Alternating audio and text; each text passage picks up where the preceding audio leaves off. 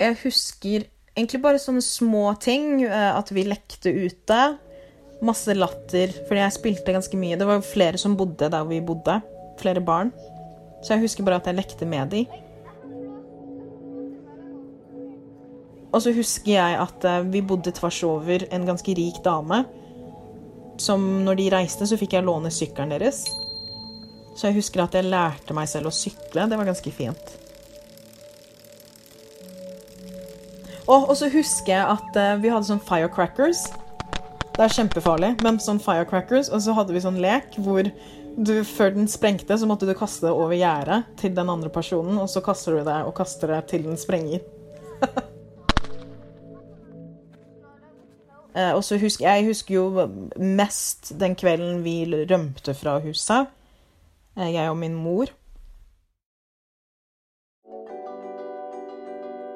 I denne serien snakker fire unge lovende norskafrikanere rett fra hjertet om identitet.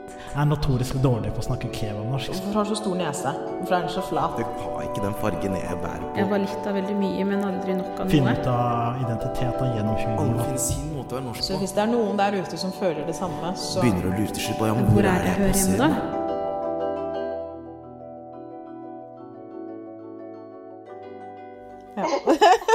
Eh, Mitt navn er Anne Princess. Jeg er 29 år. Og så er jeg opprinnelig fra Liberia. Eh, oppvokst i Lier. Og nå bor jeg i Drammen. Men jeg var jo så ung at det er jo mamma som husker den tiden. Um, men um, i militæret så fant jo mamma og pappa hverandre. Uh, og pappa var jo involvert i borgerkrigen. Jeg tenker på han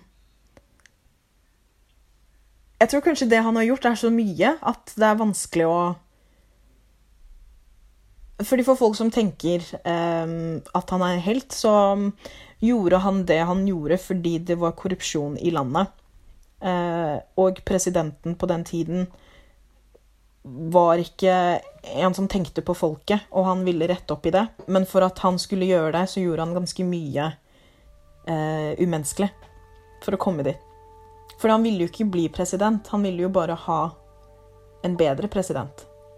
Og for de som tenker at han er jo helt umenneskelig, er jo Det er også sant. Um, men han Jeg tenker ikke på han som en far heller, så jeg vet ikke. Jeg, jeg vet ikke hva han Han Han Ja, hva er han? Jeg vet ikke.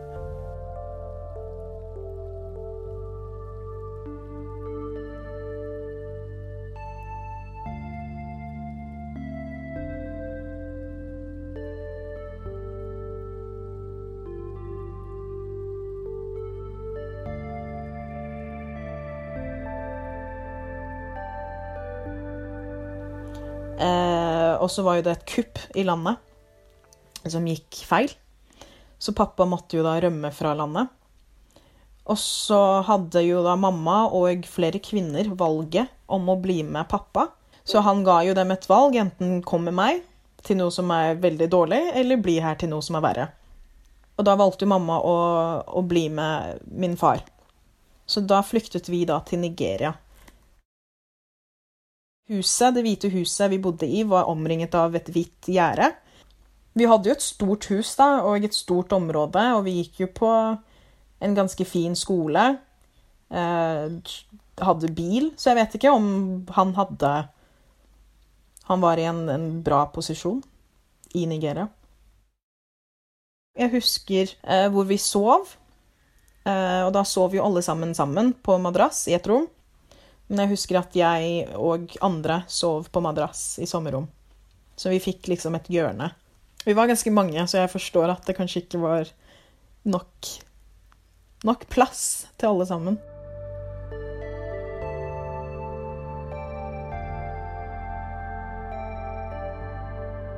Han er jo en militærmann, og han bestemmer. Så hvis det er noen som ikke gjør det han sier, så vil han ikke ha det i huset. Så da straffer han de. Han brakk også beinet til mamma fordi uh, mamma prøvde å forsvare seg selv. Og det, er, det, det var ikke noen der som kunne si han imot. Så ja. For mamma er en rebell. Og hun Det var på Altså, hun tro, Jeg tror han hadde drept henne. Det, hun, han prøvde flere ganger. Um, og hun var ikke en sånn person som gjorde det han sa. Så det, det hadde sikkert gått gærent. Og kvinnene der var ikke kvinner som likte å ta vare på andre barn. Eller på de andre barna. Og hvis mødrene ikke var til stede, så fikk de ikke mat engang. Så det, jeg tror ikke jeg hadde vært her nå, nei.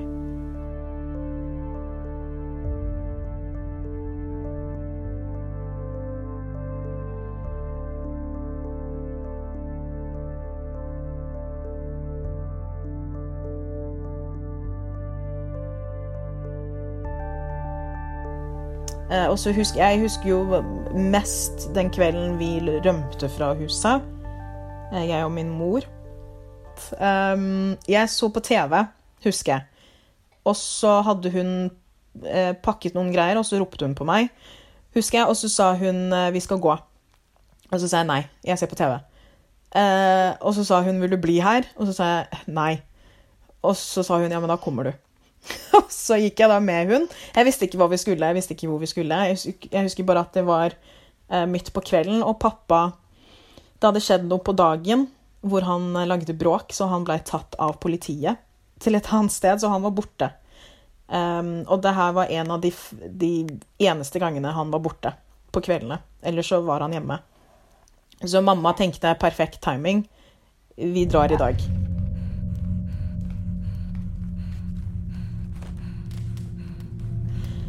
Så hvis du skal komme deg vekk, så må du klatre over.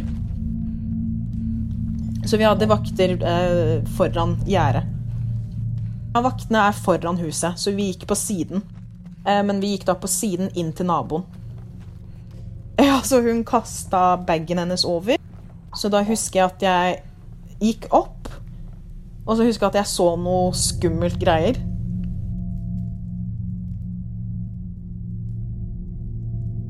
Noe sånn spøkelsesgreier. Og så gikk jeg ned igjen, og så sa jeg mamma, det er noe der. Og så sa hun vi har ikke tid til det her, gå nå. og så bare gikk jeg over, og så kom hun etter. Og så um, var porten til naboen stengt, så vi måtte sove eh, ute eh, til porten åpna. Og så gikk vi eh, på morgenen når den hadde åpnet. Eller det var mye som kunne gå galt, men så var det småting som gjorde at det gikk greit. Eh, mamma kunne dratt Eller eh, han satt ganske mange i fengsel. Mange eh, kvinner i fengsel som gikk imot han.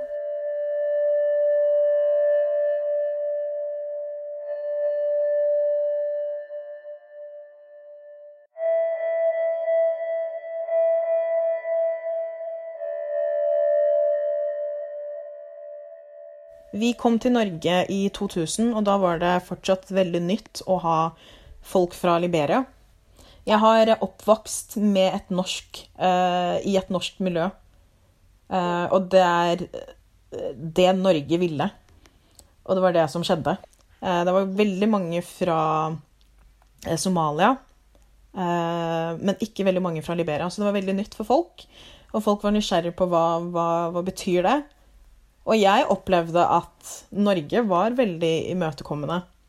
Og de hjalp oss med ganske mye. De hjalp oss med hus, med penger, med å integrere oss. Så jeg syns jo det var, det var egentlig ganske greit. Til jeg forsto hva folk snakket om.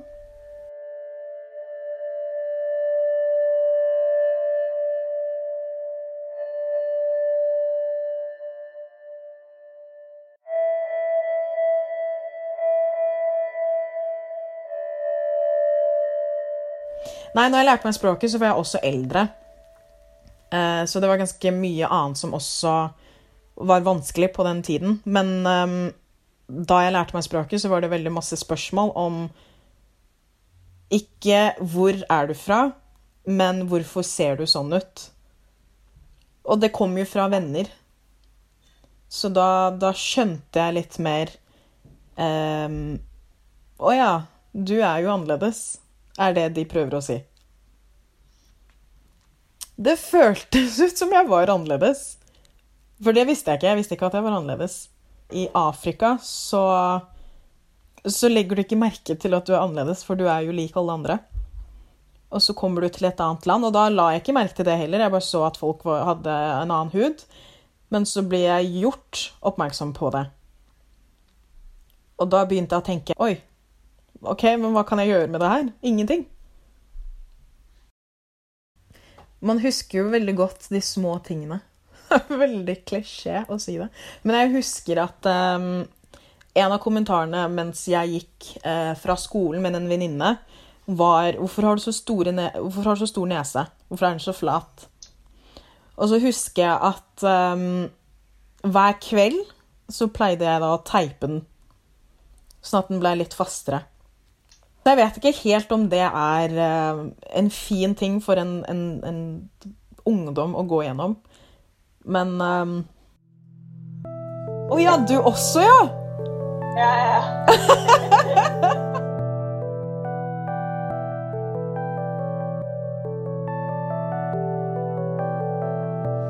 Det har vært en, en reise.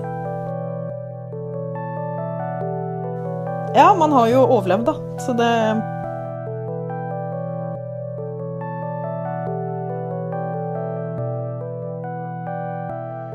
Det er veldig rart, fordi jeg kjenner ikke noe på det. Men, eh, men det kan hende at jeg ikke har brukt tiden til å kjenne på det.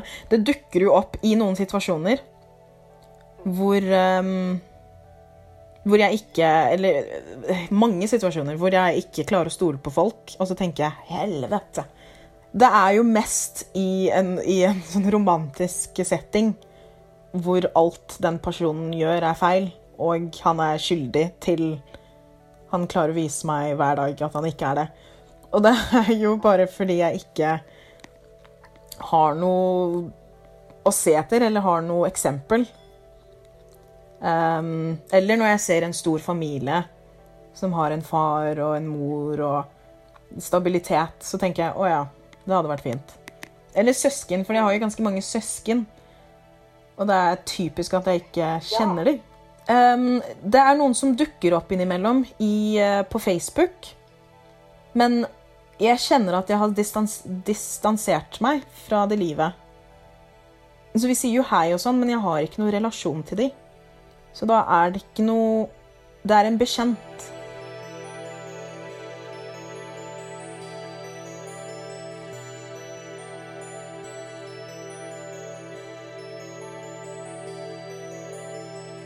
Men jeg har akseptert at uh, I en ganske ung alder så har jeg akseptert at mine foreldre ikke er perfekte. Og at uh, deres valg er egentlig bare et valg som mennesker tar. Um, og så må jeg egentlig bare gå videre. Og det har ikke noe med meg å gjøre. Det er um, Jeg har ikke sett han på 20 Ja, hva er det? 23 år. Så jeg kjenner han ikke. Det er egentlig veldig vanskelig å beskrive um, hva jeg tenker om han. Fordi jeg er ikke sint. Det er ikke noe grunn for meg å være sint. Um, ja. Ja. Nei. Men han var aldri slem mot, mot, oss, barna. Men jeg kan ikke si at han var en, en god far heller. Men han Ja, han tok jo vare på oss. Vi dro jo på skolen. Vi hadde jo klær, mat. Ja. Jeg vet ikke om noe annet, så for meg så var det sånn Ja, OK. Det er, altså, det er mamma som er uh, helten. Hun er jo fra militæret. Hun, uh, hun er jo hun er jo en person som får ting til å skje. Det er også sikkert en grunn til hvorfor jeg ikke er så flink til å bearbeide ting. Men hun snakker ikke om ting, hun bare gjør det. Hvis du har et problem, så, så løser du det. Tenk å snakke om det. Det er ikke noe vits å snakke om det. Vi hadde det ikke bra i det huset, så da Da fikk hun det til å Til å bli bedre. Og så måtte jo vi um, gjemme oss i en sånn guesthouse i noen måneder før vi kunne da komme til Norge. Uh, og vi fikk avslag flere ganger, flere land som sa nei. Og hun slutta ikke å prøve. Og så til slutt så sa Norge ja. Så i en alder av 42 så gikk hun tilbake på skolen. Lærte norsk, og så hjelpepleie. Og så har hun da jobbet som det til nå. Nå er hun eh, pensjonist.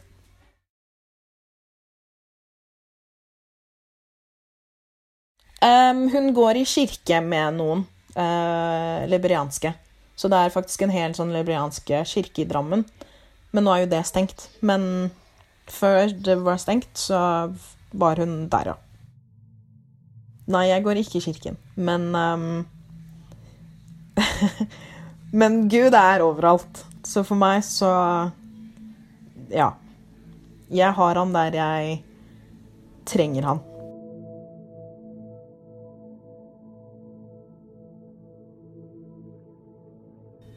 Jeg Eller jeg er, jeg er oppvokst til å tro på Gud. Um, og jeg tror de fleste som er oppvokst til å tro på Gud, ikke vet hva det betyr. Um, så jeg har egentlig alltid trodd på Gud. Eller vent litt. Nei. Um, jeg, begy- jeg valgte selv å tro på Gud når jeg var i 22-årsalderen. Um, og før det så var det egentlig bare noe mamma trodde på, som jeg også måtte tro på. Um, og når jeg da begynte å velge min egen tro, og hva det egentlig betyr, så er det egentlig bare en bekreftelse i at det folk tror om deg, betyr ingenting. Fordi du er skapt slik du skal være. Og um, the entity, jeg vet ikke hva jeg skal kalle Gud, men eh, det som har skapt deg, er mye sterkere enn um, enn at folk tenker at nesa di er flat. Um, ikke sant?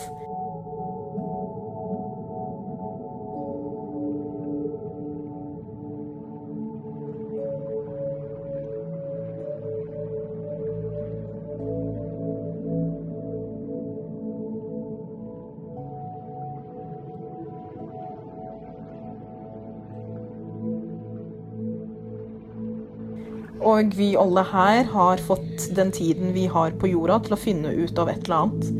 eh, Og legge verdi i den reisen her. Og min eh, purpose, det jeg har valgt, er jo musikk. Det er min lidenskap. Det er det jeg blir glad av. Og gjennom det så, så, så er jo han også i det. Um, og når jeg får alle disse nei, nei, nei, vi vil ikke jobbe med deg, du har ikke den stemmen, du har ikke den type musikken vi vil jobbe med, så tenker jeg OK, men Gud har bestemt at det her er det jeg skal gjøre. Kanskje ikke med deg, men da med noen. Så jeg må bare fortsette til jeg finner den personen. Så det har egentlig bare hjulpet meg til å tenke at det her er det Gud vil at jeg skal gjøre, og da er det ingen som kan stoppe meg.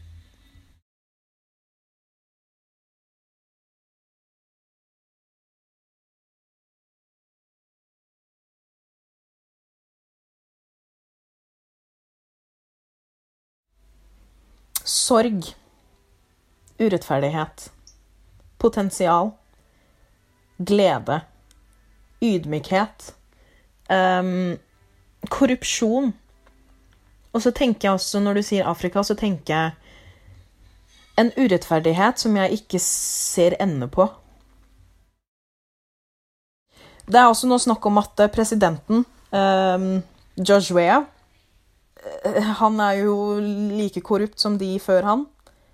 Det er en standard over hele, ikke bare Liberia, men hele Afrika, at ressursene, medi medisinske ressurser ikke er nok til å kjempe korona. Ellers så er det egentlig bare det samme de snakker om. Borgerkrig, uenigheter, korrupsjon. Ingen vekst. Den urettferdigheten er det noen som har bestemt at slik skal det være. Og de som har bestemt det, er folk som eh, Ja.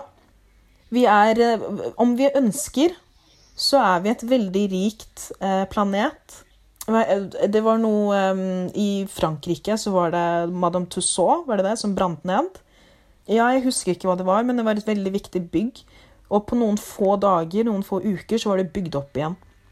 Det tok Ja, det tok flere Sikkert billioner. Um, Vi har så mye penger. Penger er jo ingenting. Så vi har, så, vi har muligheten til å rette opp den urettferdigheten som skjer um, i det kontinentet der. Men det skjer ikke. Så da må man enten bare tenke hvorfor skjer det ikke? Det er fordi folk har bestemt at slik skal det være. Og det er Ja. Og det eneste jeg kan gjøre, er egentlig bare å hjelpe de jeg kan hjelpe. Og så får det bare være sånn.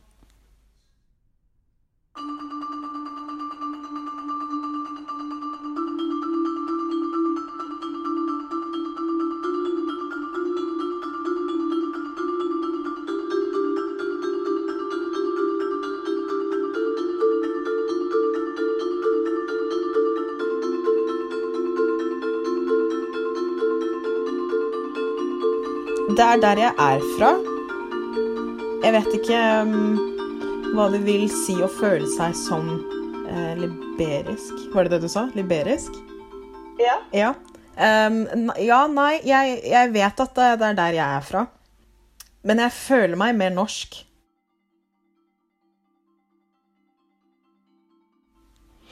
Um, jeg skal bare være ærlig og si at Norge Men det er jo også fordi at um, å være utenlandsk eller å være afri afrikansk i Norge er jo Jeg vil si at det fortsatt er nytt. Um, så Norge er ikke så flink til å ta med deg den afrikanske delen i den norske delen. De vil at du skal være norsk, og alt det du gjør, er norsk. Um, og da, da Da er ikke det å være afrikaner så vakkert.